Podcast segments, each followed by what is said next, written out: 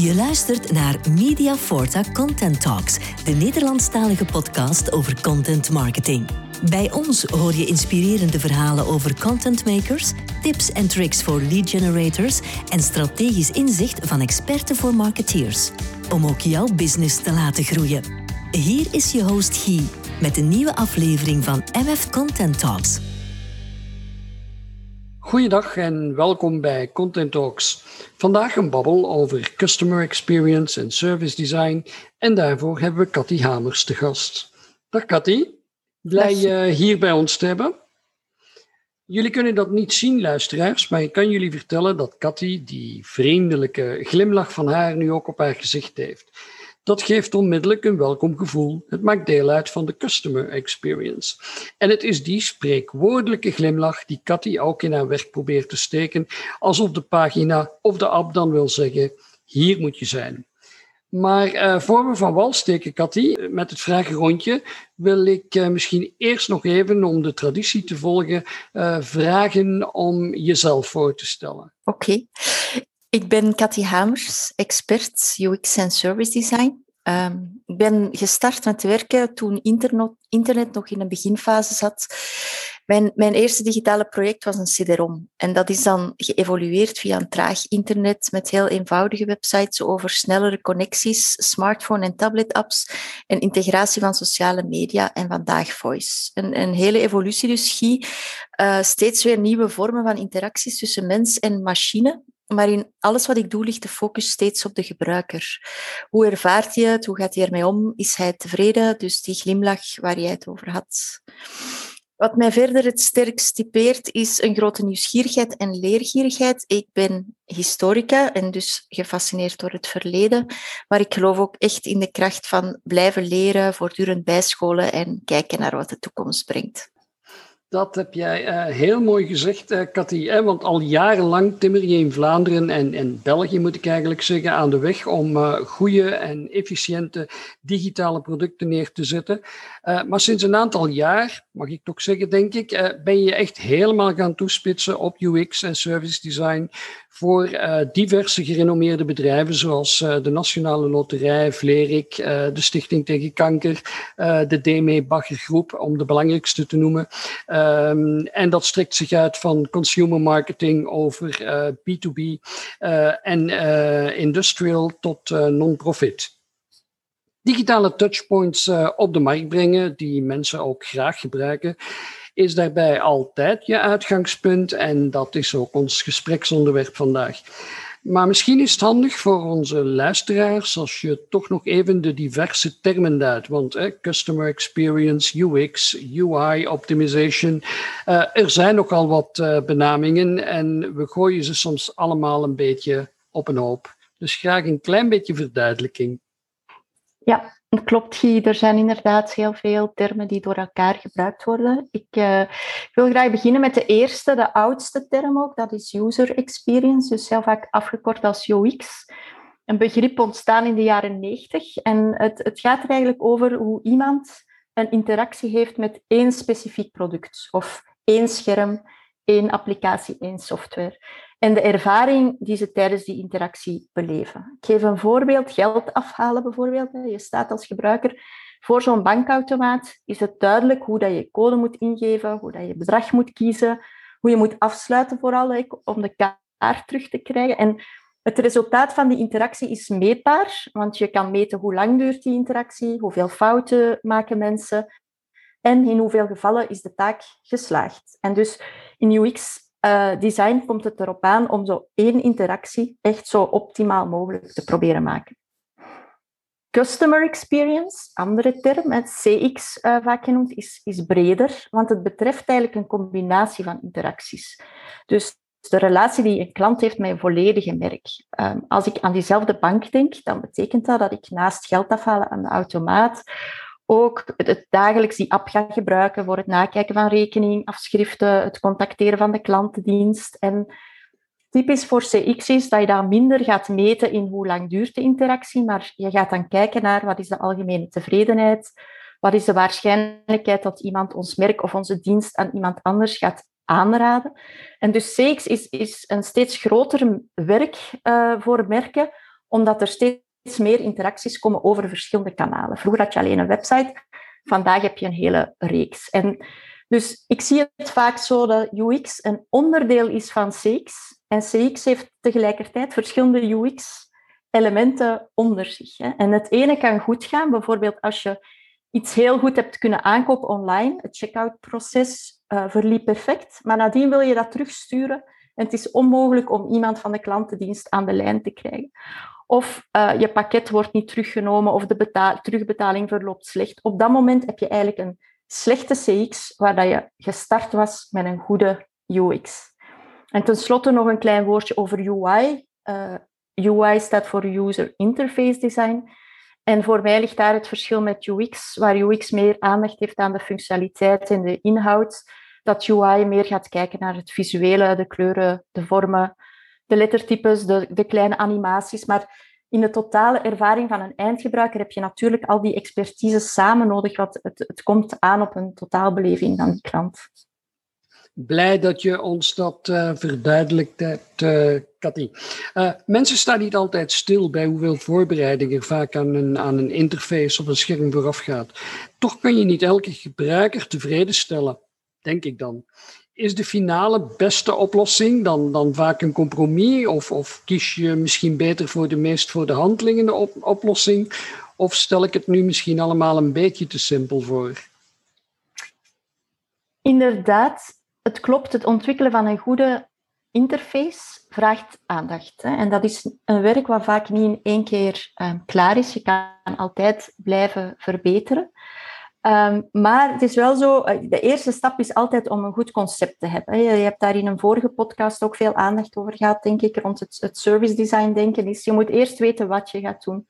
Maar dan als de UX in beeld komt om, om te gaan vormen van hoe ga je het doen, dan kun je wel gebruik maken van een aantal bestaande patronen. En ik zou dat niet echt een compromis noemen. Dat zijn gewoon zaken waarvan we weten als UX-experten, het werkt gewoon goed. En, en voor een eindtool een eindtool voor een bedrijf is voor mij niet om de mooiste website te hebben, uh, tenzij dat je natuurlijk het soort kunstproject uh, website maakt. Maar het, het, eindtool is, is een platform te hebben waar de gebruiker de informatie die hij zoekt snel kan vinden, juist geholpen is, het gevoel heeft dat waarvoor hij kwam, dat dat ook effectief, vlot en makkelijk is gelopen. En vaak helpt het gewoon dat daarin bepaalde herkenbaarheid zit voor de gebruiker. En ja, iedereen van ons uh, die werkt voor zo'n project wil graag extra beleving en verwondering en een wow-effect uh, toevoegen. En, en ik vind dat zeker heel belangrijk. Maar de basis moet juist zitten. En, en dat is uh, toch vaak waarvoor dat je die herkenbare patronen beter wel kan gebruiken. Ja, zoals je het net zegt, hè, ik neem aan dat, dat die, die, die ervaring gevormd wordt door, door heel wat impulsen. Hè. Uh, het intuïtief aanvoelen, eerdere ervaringen, gelijkenissen, de hardware-mogelijkheden, de kennis en kunde van de gebruiker, het moment van gebruik. Het zijn allemaal dingen die meespelen, uh, maar dat zijn heel veel dingen waar je rekening moet mee houden. Uh, hoe, hoe begin je eraan? Hoe verzamel je al die informatie? Nu, voor elke opdracht, nieuwe klant, nieuwe vraag, uh, start ik wel bij het, met een frisse blik. Ik vind, je vertrekt vanuit een nieuwe eindgebruiker. Elk merk heeft zijn eigen eindgebruiker. En je vertrekt vanuit die gebruiker en vanuit die specifieke behoeften. En dan begin je eigenlijk te onderzoeken. En, en alle bestaande bronnen die er zijn, informatieve, meetbare gegevens, zijn leerrijk. Ik geef een voorbeeld vandaag de meeste apps meten effectief wat er gebeurt. Dat noem je de analytics. Dat is de tijd die iemand op een pagina zit. De oorsprong van het bezoek, komt die vanuit een Google-zoek of is die rechtstreeks gekomen? Heeft die doorgeklikt op een advertentie op Facebook?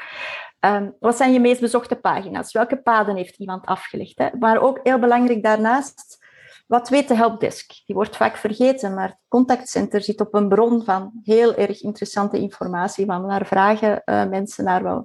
Waar hebben mensen problemen mee? Vaak doen bedrijven ook tevredenheidsbevragingen of soms wel een keer observaties van gebruikers. Dus al die zaken worden meegenomen en daar gaan we naar kijken. En dan gaan we kijken samen met een bedrijf, wat was nu jouw doelstelling? Wat wil je bereiken tijdens het bezoek van die klanten op het platform? Ehm, hoeveel aankopen wil je? Hoeveel nieuwe geregistreerde gebruikers? En dus door het samenleggen van die doelstellingen worden het niet gehaald en al die gegevens die je hebt, dan komen er pijnpunten naar boven. En die pijnpunten zijn altijd voor het team de basis om te gaan kijken hoe kunnen we deze verbeteren. En soms zijn dat kleine optimalisaties en soms zijn dat hele grote veranderingen. Ik geef een voorbeeld. Um, dus voor Nationale Loterij, een, een, een, klant van Wunderman Thompson, waarvoor ik werk en waarvoor ik al, al heel veel heb gewerkt, hebben een aantal jaar geleden de uitdaging gekregen om het spelformulier om Lotto of Euromillions te spelen toegankelijk te maken op een klein mobiel scherm. Tot dan was men altijd vertrokken vanuit een kopie van een papieren formulier en dat was helemaal niet geschikt om dat spel ook te spelen op een heel klein scherm. Wel, daar hadden we wel kennis van het werkt niet zoals het was op een klein scherm. Maar daar zijn we echt heel erg moeten gaan onderzoeken en nieuwe zaken beginnen introduceren. En dan worden ook prototypes, testschermen, heel belangrijk om, om te gaan testen. Dus je kunt kleine verbeteringen doen die voor de hand liggen. Of je kunt ook voor een situatie komen te staan dat de gegevens zo aantonen dat je moet gaan voor een hele nieuwe, grote uh, verbetering. En dat, op dat moment moet je dus nog meer gaan testen en nog meer verder onderzoeken. En um, ik wil misschien nog een klein woordje van, ja, UX-experten vinden dat ook niet allemaal zelf uit. Hè. Er zijn belangrijke kanalen. Je vroeg ook naar, zijn er bepaalde bronnen? Um, ik denk, uh, er zijn heel veel experten, vakorganisaties, uh, eh, UX Design Instituut, Jacob Nielsen, UX Collectief. En, en weet ook, in België is er een um, maandelijkse meetup die een 80 uh, eh, UX-professionals bij elkaar brengt. Dus Jullie, zijn, uh, jullie werken samen en zijn goed om, uh, omringd. Uh, maar heeft die hele web- en, en, en digitale evolutie, het design en, en, en vooral de ergonomie van onze schermen, niet grondig beïnvloed? In, in, in de IT-wereld en dan met name softwareontwikkeling, daar kenden ze vroeger al vrij vastgelegde ontwikkelingstrajecten. Uh, met uh, business analisten, functioneel analisten, die op een, op een relatief gestructureerde manier al die functionaliteiten bepaalden. Uh, maar toch heb ik de indruk dat vooral die, die, die software vroeger totaal de wensen overliet en ik me als gebruiker toch menig keer in de, in de haren krapte. Um, is UX en service design beïnvloed door, door de learnings uit IT of is het net andersom? Dat is een moeilijke vraag. Um... Die mogen er ook zijn. Ik ja, ja, ja, Maar um, usability of, of gebruiksvriendelijkheid, dus het, het, eind, het denken vanuit de eindgebruiker is in uh, industriële productontwikkeling. Dus ik verwijs hier naar productontwikkeling van bijvoorbeeld reiskoffers of verlichting of keukenmachines, hè, de traditionele producten is altijd een belangrijk aspect geweest. Dat is eigen daar aan een productontwerpproces, dat je eerst een concept gaat maken, dat je daar vormgeving aan gaat geven, dat je daar testmodellen van gaat maken en dat je dan uiteindelijk met een duurzaam werkend ontwerp komt. Waarom is dat daar zo belangrijk? Om, omdat eens zo'n product gemaakt is en in duizenden exemplaren geshipped en geproduceerd is om, om naar klanten te gaan, dan is er geen weg meer uh, terug. En zij hadden al heel erg die aandacht voor gebruiksvriendelijkheid. En dan denk ik op een bepaald moment, hoe ik het zelf heb gezien, met de opkomst van de smartphones en de tablets, en, en dus heel veel apparaten waar je touchscreens op had, die je met je vingers aanraakt om bepaalde navigatie te doen, dan kwamen de niet-digitale producten en de, en, en de digitale producten dicht bij elkaar. Ze werden meer tastbaar. Vroeger zat je voor een scherm en die websites en die software had een bepaalde afstand. En dus persoonlijk geloof ik, en dat is ook denk ik wat ik gezien heb um, op het moment dat het gebeurde, is dat de grootste invloed op nuttige en makkelijkere websites en apps vanuit de hoek van productdesign is gekomen. En Apple is daar denk ik een van de grootste voorbeelden uh, in geweest. Maar neemt niet weg. Aan de andere kant denk ik dat er ook een ongelooflijke evolutie is in, in IT. En dat op vlak van complexiteit en snelheid van dataverwerking, nieuwe uh, artificiële intelligentie, dat technologie een heel belangrijke speler is om die gebruikservaring te verbeteren. Maar voor mij mag technologie in een goede gebruikservaring onzichtbaar worden. Dus ik, ik geef toch een stukje de credits aan de productontwikkeling. Uh, aan het beroep van productontwikkeling om te zeggen van ja, het is vanuit die hoek gekomen om ervoor te zorgen dat bepaalde software en toepassingen zoals apps steeds meer gebruiksvriendelijk gemaakt zijn. Ja, En, en het betrekken van de, van de gebruikers. Um, opdrachtgevers die een uh, website laten maken, maar ik neem aan net zo goed zij die een uh, app laten maken, uh, of een checkout pagina voor een, voor een winkel, voor een webwinkel laten bouwen. Ik neem aan dat zij wel de noodzaak zien om vooraf onderzoek te doen en vooraf de nieuwe interfaces goed te testen. al heb je ook de anderen die nog steeds een, een, een, een keiharde briefing met enkel hun eigen idee door de strot rammen. Um, ik sluit daar zo dadelijk daar, nog op aan met een andere vraag. Maar nu ik het over testen heb, misschien eerst deze vraag. wordt er voldoende getest? Doen we genoeg AB-testen? Kijken we genoeg naar hoe een gebruiker daadwerkelijk door een website of app beweegt? Um, ja, er wordt al heel veel getest. Of dat is toch de ervaring uh, die ik heb bij veel klanten. Hè. Er wordt verschillende, je, je, er is bijvoorbeeld hè, de AB-testing, waarbij je twee varianten gaat testen en op het einde kunt kijken van, je, je stuurt eigenlijk elke variant uh, willekeurig naar, naar een ander deel van je gebruikers en je gaat kijken van welke heeft nu het beste ehm, gewerkt. Hè. Om conversie op een website te optimaliseren bijvoorbeeld, is dat een hele goede techniek. Maar aanvullend, wat ik al vermeld heb, is uh, het testen vanuit analytics om te gaan kijken als je iets gedaan hebt van wat was het klikgedrag, uh, hoe heeft het gelopen. Zelf ben ik ook een fan van zaken zoals bijvoorbeeld eye-tracking. Of dat je dan gebruikers voor een applicatie zet en de, software kan echt meten van waar kijken ze naar. En dat is dikwijls ook heel confronterend van je hebt daar een grote knop gezet en je ziet echt van de ogen van de mensen gaan niet naar die knop, ze gaan er niet uh, op klikken. Um, andere zaken die je kunt leren uit testen zijn card bijvoorbeeld, is om te kijken van de, de woorden die we hebben gekozen voor onze navigatie. Als je mensen een taak geeft, gaan ze die dan daar zoeken? vinden ze die daar? Dus ik denk, ja, er wordt getest, hè, want in digitaal is heel veel meetbaar. Maar zoals altijd met cijfers um, is het toch voor mij ook heel belangrijk om het waarom te begrijpen. En dat vraagt toch wel dat je niet beperkt tot één type testing en vaak uh, die data ook probeert inzichtelijk te benaderen om, om de juiste beslissingen te nemen en te optimaliseren. Is het testen, meten, maar ook de inspanning doen om dan echt te kijken van wat kan ik uit de gegevens leren en, en daar een inhoudelijke vertaling aan te geven. Ja, en zo tenslotte ook uh, meenemen in, uh, in ja, wat je brengt en wat je uitvoert. Um, aansluitend op uh, wat ik daar net zei over, over werk en, en onderzoek voorafgaand aan een project. Hè? Echt bouwen aan de user uh, experience is, uh, dacht ik, toch eerder een lange termijn werk en, en een kwestie van permanent optimaliseren, bijsturen enzovoort. En niet enkel maar de inspanning doen bij de lancering of bij de voorbereiding. Is het niet? Ja, Guy, ik, ik zou jou graag een vraag terugstellen. Hè? Hoe, hoe lang woon jij al in in je huis of appartement? 20 jaar ongeveer. Ja. en, en welke veranderingen heb jij nog het laatste jaar gedaan? Goh, ik denk dat ik constant uh, veranderingen doe. Uh, ja, constant uh, maak je wijzigingen, koop je nieuwe dingen, breng je nieuwe dingen binnen, gooi je andere dingen buiten. Ja. ja. en dus voor mij is dat eigenlijk, zo is het ook met een, met een website of met je app. Ja, je moet die regelmatig opfrissen.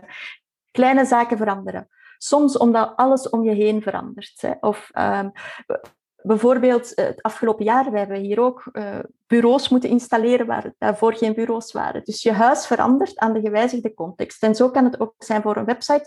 Plots heb je een nieuwe pagina nodig of een nieuwe sectie van je website. Moet je daar iets anders mee gaan doen? Of, of moet je een flow uh, die, er, die juist zat door een nieuwe context um, gaan aanpassen?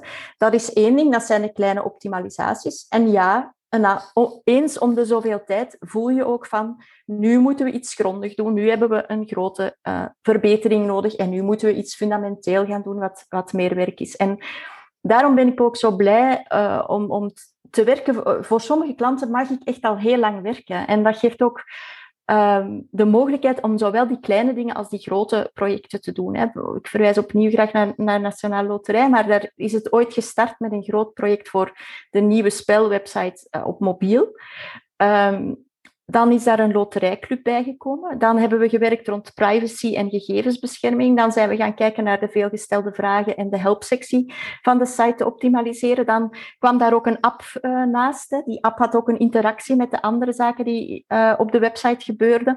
Dan hebben we daar een, een app naast gezet en, en gezorgd dat er ook een goede verhouding was. Dus ik denk om ja, een website vereist een lange termijnplan en daarin zijn twee zaken belangrijk. Um, het eerste is, je, je moet dat doen met een visie. Een baken uitzetten van, daar willen we graag naartoe en, en daar gaan we aan werken. Een soort van lange termijnplan.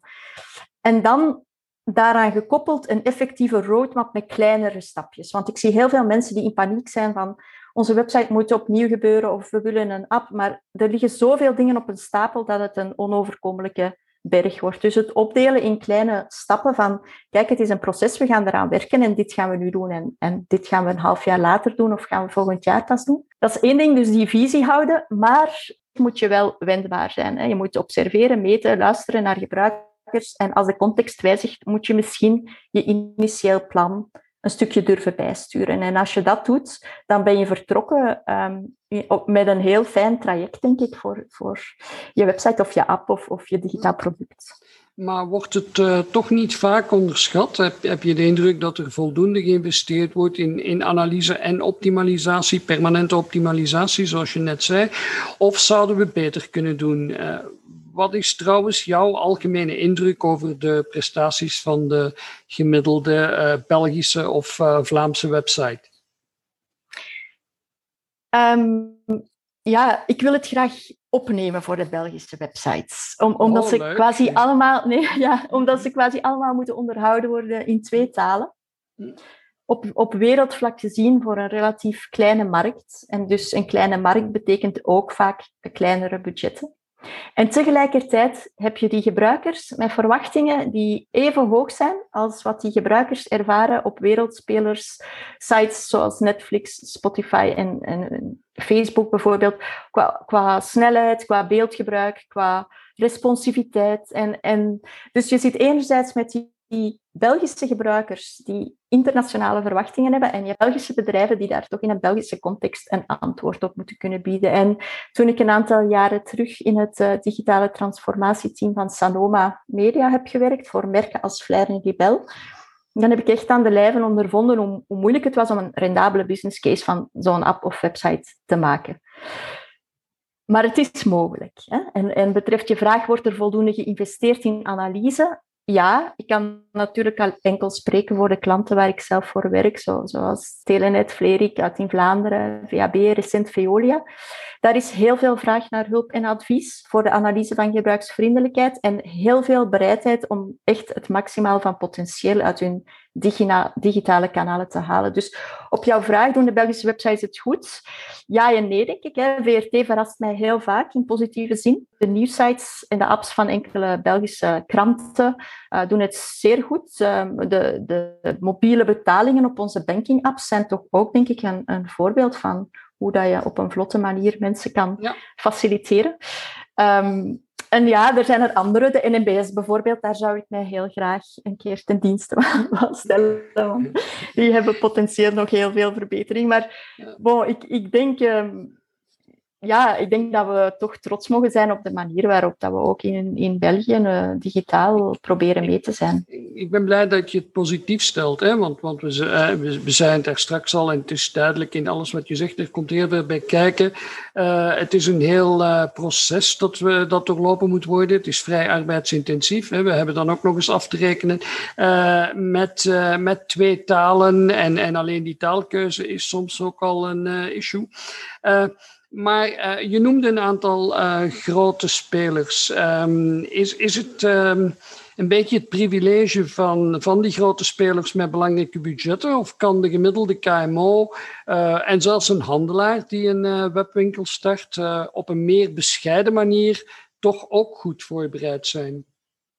Ja, daar ben ik echt van overtuigd um, dat dat wel zo is. Hè. het, het, in, in eerste instantie het allerbelangrijkste wat je moet doen, is je proberen te verplaatsen in wat de klant nodig heeft en hoe dat je de klant meekrijgt op het pad van je eigen doelstellingen. En als je daar een kleinere webwinkel bent of, of een kleinere speler, dan heb jij ook zelf die kennis. Want je kent je klanten vaak heel goed van in de offline wereld. En ook op, op, voor kleinere initiatieven is er op dit moment heel veel software beschikbaar eigenlijk om snel je webshop op te starten, om snel een content website te maken. En ehm, je, je kan daar ook beroep doen op een, op een aantal mensen, denk ik, in, in beper, op beperktere mate. Ik vind het bijvoorbeeld ook interessant uh, wat Telenet doet met de digitale versnelling, hè, om een aantal experten ter beschikking te stellen, een aantal uh, kennisdomeinen open te trekken en te zeggen van kijk, alles met betrekking tot de opstart van een site, je marketing, de integratie van betalingsmodules.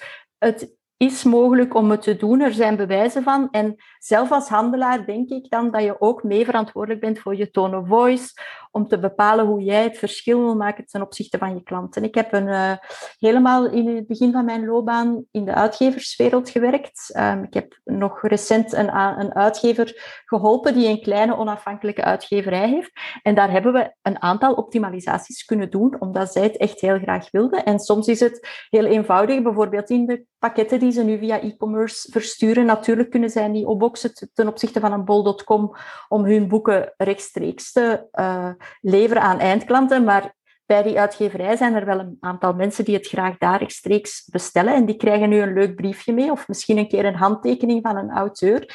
En zo kunnen zij het verschil maken zonder dat dat eigenlijk een gigantische meerkost betekent dat is, uh, dat is goed om te horen. En ik denk dat, uh, dat enkelen nu misschien uh, wat sneller bereid zullen zijn om, om, om toch de dingen goed voor te bereiden. Als we dan even kijken naar de andere kant, naar de productiekant. Hè, een, een vaak gehoord excuus van, van designers en, en creatievelingen is dat aandacht voor user experience de, de creativiteit in de weg staat en je, en je een beetje een eenheidsworst krijgt. Ben, ben jij het daarmee eens en, en, en is dat wel zo? Nee, ik ben het daar niet mee eens. Ik, ik zei het al bij het begin, denk ik, in, in een van de antwoorden. Het einddoel mag niet een mooie website of een app aan zich zijn. Het, is, het gaat niet om die schoonheid. Um, het, het moet een, een platform zijn of een, een, een product waar de gebruiker de informatie die hij zoekt snel kan vinden. Dat hij het gevoel heeft, ik word hier geholpen. Dit was wat ik hier kwam doen en dit is makkelijk gelopen en het is die glimlach dan, hè, Guy, waar jij over spreekt. En om dat te kunnen doen, zullen UX-ontwerpers dikwijls in overleg met UI-designers voorstellen om met bepaalde patronen te werken, zoals dropdowns, die native werken, die misschien geen state-of-the-art dropdowns zijn die altijd maar opnieuw worden uitgevonden. Nee, dat zijn dropdowns zoals je ze kent, zoals iedereen ze kent, in formulieren. Um, werkt het in verschillende stappen als je een verkoopproces hebt, omdat mensen het zo verwachten. Uh, om toegankelijkheid te garanderen en vindbaar te zijn, moet je bepaalde metadata invullen. En voor JavaScript uh, moet je alternatieven voorzien. Maar ik geloof er echt wel in dat je daarnaast nog een waaier aan mogelijkheden openhoudt om je merkbeleving door te trekken. En begrijp me niet verkeerd, dat is ook echt heel belangrijk. Hè? Als je op die website komt en het gevoel krijgt van ah, dit was een aangename beleving, dan is het belang van goede content, mooie beelden, kleine micro-animaties en kleuren zeker ook heel belangrijk. Maar au fond zitten er toch een aantal basics in die het voor een gebruiker in eerste instantie nuttig en gebruiksvriendelijk moeten maken. Ik hoor daar een beetje in creatief zijn, maar niet per se het water uh, terug willen uitvinden. Hm?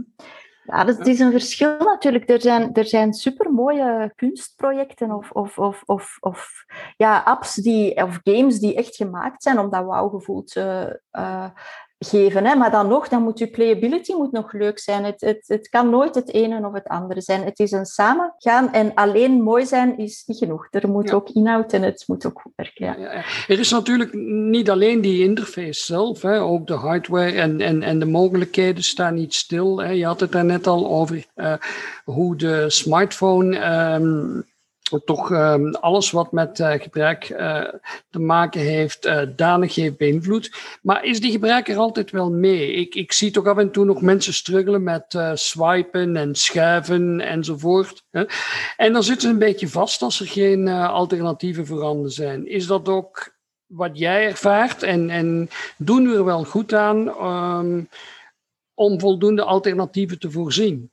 Ja, um ik, ik denk dat dat ook een evolutie is. Er worden regelmatig nieuwe patronen geïntroduceerd die samenhangen met bepaalde technologische vernieuwingen. En daar worden dan gaandeweg meer en meer gebruikers vertrouwd mee. Die, die patronen worden geïntroduceerd en soms gebruiken mensen het of, of soms niet. En het is voor je merk uh, echt heel belangrijk om in te schatten van ja, wie is mijn voornaamste gebruikersgroep? En denk ik dat die gebruikersgroep vertrouwd is met het patroon. Want als je daar tegen ingaat, dan kan dat inderdaad een negatieve impact hebben op, op je resultaten. Um, ik, om een paar voorbeelden te geven, misschien minder technologisch, maar vroeger was men echt terecht bezorgd zo op desktopschermen dat iets boven de, de schermrand moest staan. Hè? Men zegt van, oh, als dat daar niet boven staat, ja ja, als het er niet boven staat, oh nee, dat kan niet. Er was heel zware discussies tussen de verschillende uh, stakeholders. Ja, dan komt er iets zoals de social media feeds van Facebook en Instagram. En wat zie je op mobile? Je kan maar beter van onder staan, want mensen zijn hoep, hoep, hoep en swipen, knal door naar onder. Dus dat heeft ervoor gezorgd um, dat het van boven staan is minder belangrijk geworden. Bijvoorbeeld, een ander voorbeeld is de QR-code. Ik denk dat de QR-code uh, die eigenlijk al was uitgevonden in 1994, die, die nog eens een boost heeft gekregen toen ze geïntegreerd geweest is in de standaardcamera van de uh, smartphones. Maar heel weinig mensen waren vertrouwd met het gebruik van QR-codes. Nu, wat hebben we gezien? We hebben een jaar uh, van um, afstand houden en ge, gehad. En, en het ideale middel was om bepaalde dingen te communiceren van één gebruiker naar de andere. Was van scan maar ons de QR-code, ja, de cijfers worden nu bekend, maar de QR-code blijkt een enorme opgang gekend te hebben. Gaat het zo blijven um, af te wachten? Ja, um, dus dat, ja. uh, laat, laat ons uh, misschien daar straks nog even over hebben. Ja. Maar um, even terugkomen op hè, wat, wat, wat die gebruiker kan of niet kan. Overschatten of onderschatten we vaak het kunnen van uh, de gemiddelde gebruiker? Mogelijk beide, denk ik. Uh, het is een evenwichtsoefening. En, en het is wat je daarnet ook zelf uh, aangaf, je kan alternatieven aanbieden. Hè. Bijvoorbeeld uh, op de telefoon, um, als je je vliegtuigstand wil instellen. Ik ga daarvoor naar instellingen in mijn menu en dan vind ik daar de vliegtuigstand en dan zet ik de vliegtuigstand aan. Mijn kinderen bijvoorbeeld, die hebben mij al honderd keer getoond, mama, je kunt één keer swipen onderaan en dan komt die knop van de vliegtuigstand daar gewoon te staan en dan moet je niet naar je menu navigeren. Nu, wij hebben daar beide een ander uh, gedrag in. Ik ga het menu gebruiken en zij gaan de shortcut gebruiken. En, maar het, er is inderdaad een alternatief voor beide dat wordt opgepikt. En een ander voorbeeld bijvoorbeeld was uh, de, het hamburgermenu. Het hamburgermenu heb ik een tweetal jaar geleden persoonlijk ook echt heel fel getest om te kijken van begrijpen mensen nu, die, de hamburgermenu zijn die drie streepjes die je vaak bovenaan een uh, menu op een mobiele website vindt, die links bovenaan of rechts bovenaan staan, die heb je op een desktopcomputer niet nodig, om, omdat daar eigenlijk de labels van het menu gewoon zichtbaar zijn. Nu, toen we zelf getest hebben, um, bleek dat toch sommige gebruikers niet het menu konden vinden, omdat er geen spontane reactie was om op die drie streepjes te klikken. Vandaag zie je bij VRT Nieuws en HN, uh, het laatste nieuws, dat zij die streepjes gebruiken zonder dat daar iets bij staat. Die platformen hebben miljoenen gebruikers. Ik kan me niet voorstellen dat daar niemand is die het menu weet te vinden. Bij KBC zie je dat je het woordje menu nog naast die drie streepjes hebt staan. En bij de Nationale Loterij hebben we daar ook voor gekozen. Daar staat in het heel klein nog het woordje menu onder die drie streepjes. Nu, op termijn zal het woordje menu daar gaan verdwijnen, want het patroon van de hamburger heeft ondertussen zijn evolutie gekend. En nog, nog één klein voorbeeldje. Ik weet toen de tablet werd geïntroduceerd, uh, toen was het pintje het hele nieuwe. Hè, zo met je vingers, uh, uh, je duim en je wijs een beetje uit elkaar gaan om iets te vergroten. Toen circuleerde er echt een heel schattig filmpje van een kleuter met een magazine op, op de schoot, die op het papier zat te pinchen met zijn duimpje en wijsvinger en zei, mama, het is kapot. En zo zie je inderdaad van, ja, bepaalde patronen die komen en mensen adopteren die heel vlotjes. En um, dan wordt het opgepikt. En het kan ook iets technisch complex zijn, zoals de, de fingerscan is nog zoiets. Dat is, technisch is dat helemaal niet zoiets evident. Het is vrij complexe technologie, maar die geeft zoveel gebruiksgemak dat die heel snel door iedereen geadopteerd wordt.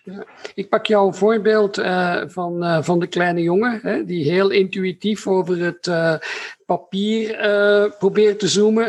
even vast om een ja, om een andere vraag te stellen. Ehm, we, zeggen vaak, of we horen vaak, dat uh, mensen op een zekere leeftijd uh, niet meer mee zouden zijn. Maar uh, als ik mijn vader van 86 inmiddels met zijn smartphone bezig zie en online zijn betalingen bij de bank zie doen en dergelijke meer, dan heb ik niet de indruk dat het met, met leeftijd te maken heeft. Maar, maar, maar met wat dan wel? Gaan, gaan generaties verschillend om met apps en webpagina's? Mm, ik denk niet dat het puur generaties zijn. Ehm, ik denk wel dat het kan te maken hebben met uh, ervaring die mensen hebben ehm, met het digitale. En, en dat is niet noodzakelijk leeftijdsgebonden. Ik, ik denk wel, en dat hebben we ook gemerkt tijdens de uh, recente COVID-periode, dat er een maatschappelijk vraagstuk hangt rond digitalisering en dat je wel gezien hebt dat een aantal mensen uit de maatschappij in, in meer kwetsbare groepen die digitalisering niet kunnen bijbenen. Ik denk dat daar de oplossing echter niet alleen in gebruiksvriendelijke interfaces zit, maar dat gaat ook over toegang uh, tot een sneller internet. Dat gaat ook tot toegang tot de toestellen. Nu, om te kijken van hoe kunnen we interface toegankelijk maken voor brede groepen. Uh, daar de, de Nielsen Norman Group, waar ik al naar verwees, die hebben eigenlijk een aantal principes van goed design. En, en een daarvan is gebruik woorden en concepten die bekend zijn bij de gebruiker en volg een stukje de conventies dat die persoon al kent vanuit zijn eigen wereld.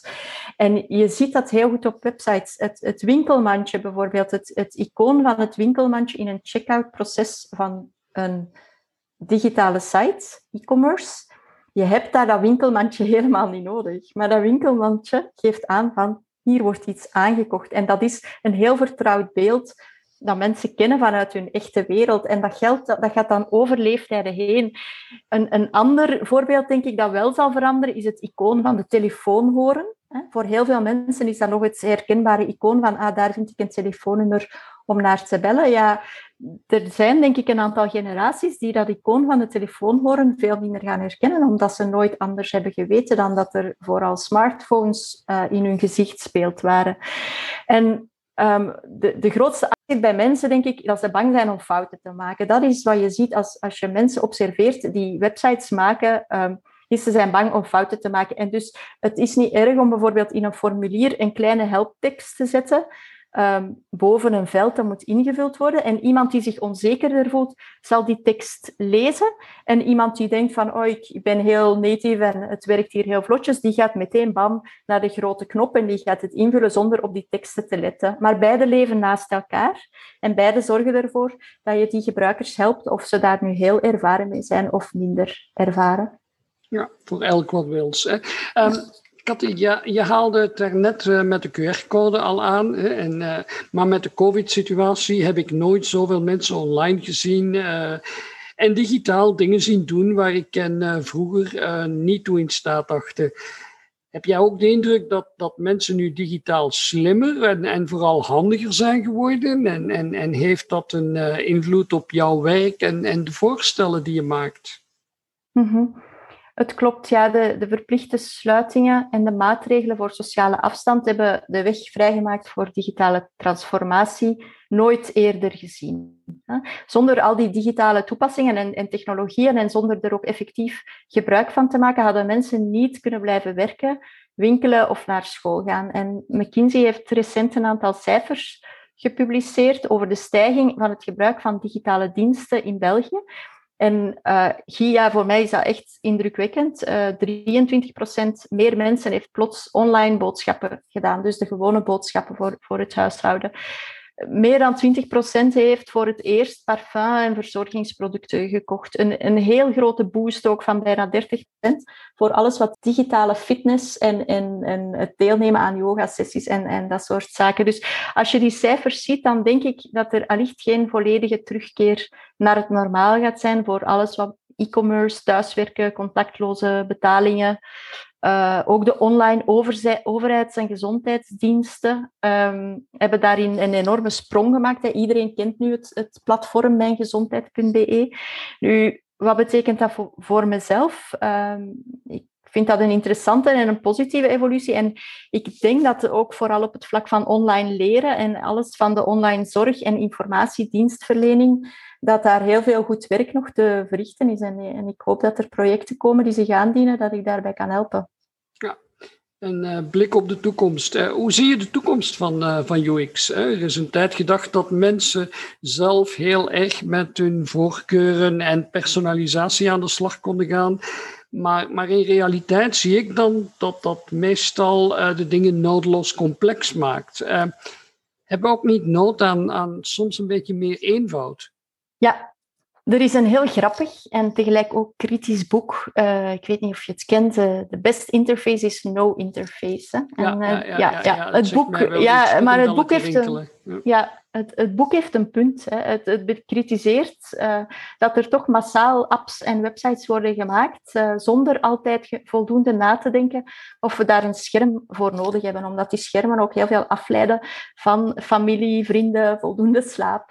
En um, het is een soort van manifesto voor toekomstige UX'ers om ervoor te zorgen dat technologie het makkelijker maakt, maar niet dominant wordt. En voor mijzelf was dat de aanleiding om een voice interface cursus gaan volgen en een Alexa in huis te halen. Uh, die vandaag eigenlijk voornamelijk als kookwekker wordt gebruikt. Hè, om aan te tonen van...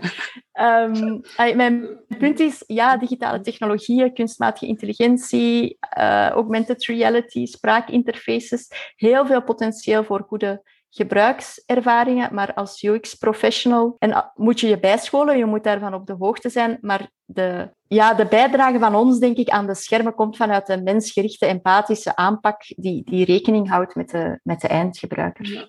Jouw voorbeeld uh, doet me trouwens ook denken aan uh, IKEA, die ooit een uh, filmpje maakte voor hun catalogus. En die zei van ja, we hebben eigenlijk een, een fantastische interface. Um, je kunt erin bladeren, je kunt hem draaien, je kunt er je koffiekop op zetten en zo meer.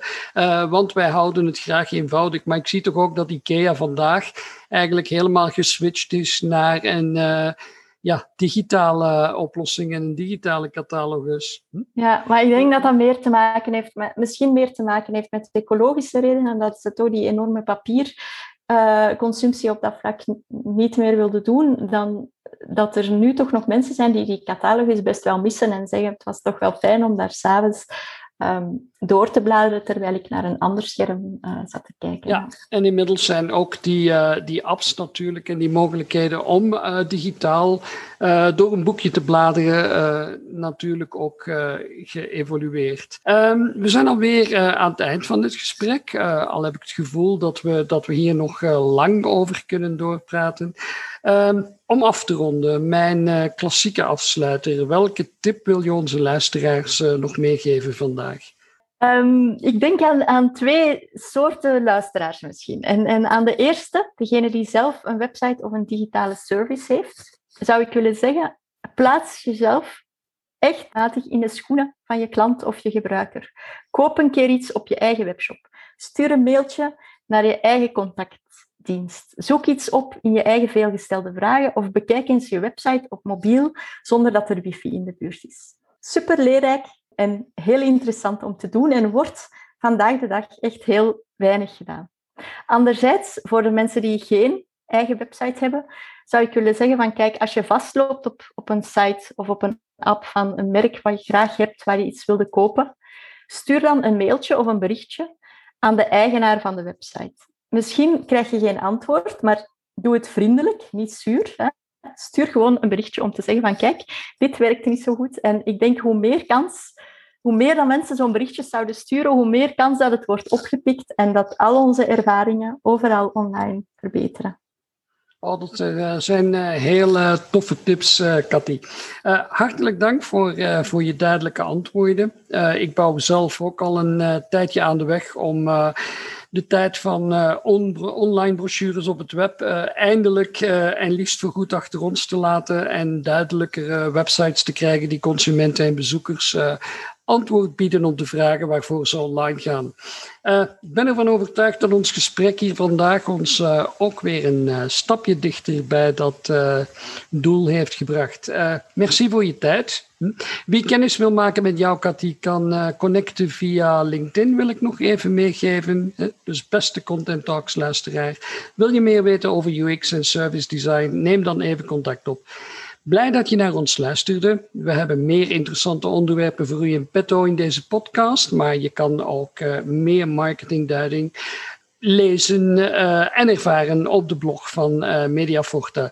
Daar uh, lees en hoor je meer rond marketing. Blijf vooral naar ons luisteren. Druk op die volgknop of schrijf je in via de Mediaforta website. Dan krijg je melding telkens wanneer we een nieuwe episode live zetten. Voor nu, waar je ook bent, zit, staat een prettige verderzetting van de dag en tot binnenkort. Dit was MF Content Talks. Volg onze podcasts op onder meer Spotify, Google Podcasts, Apple.com en nog meer kanalen. Op onze website mediaforta.com vind je het overzicht van al onze streams en onderwerpen. Zo hoef je niets te missen. Bedankt voor het luisteren en tot binnenkort.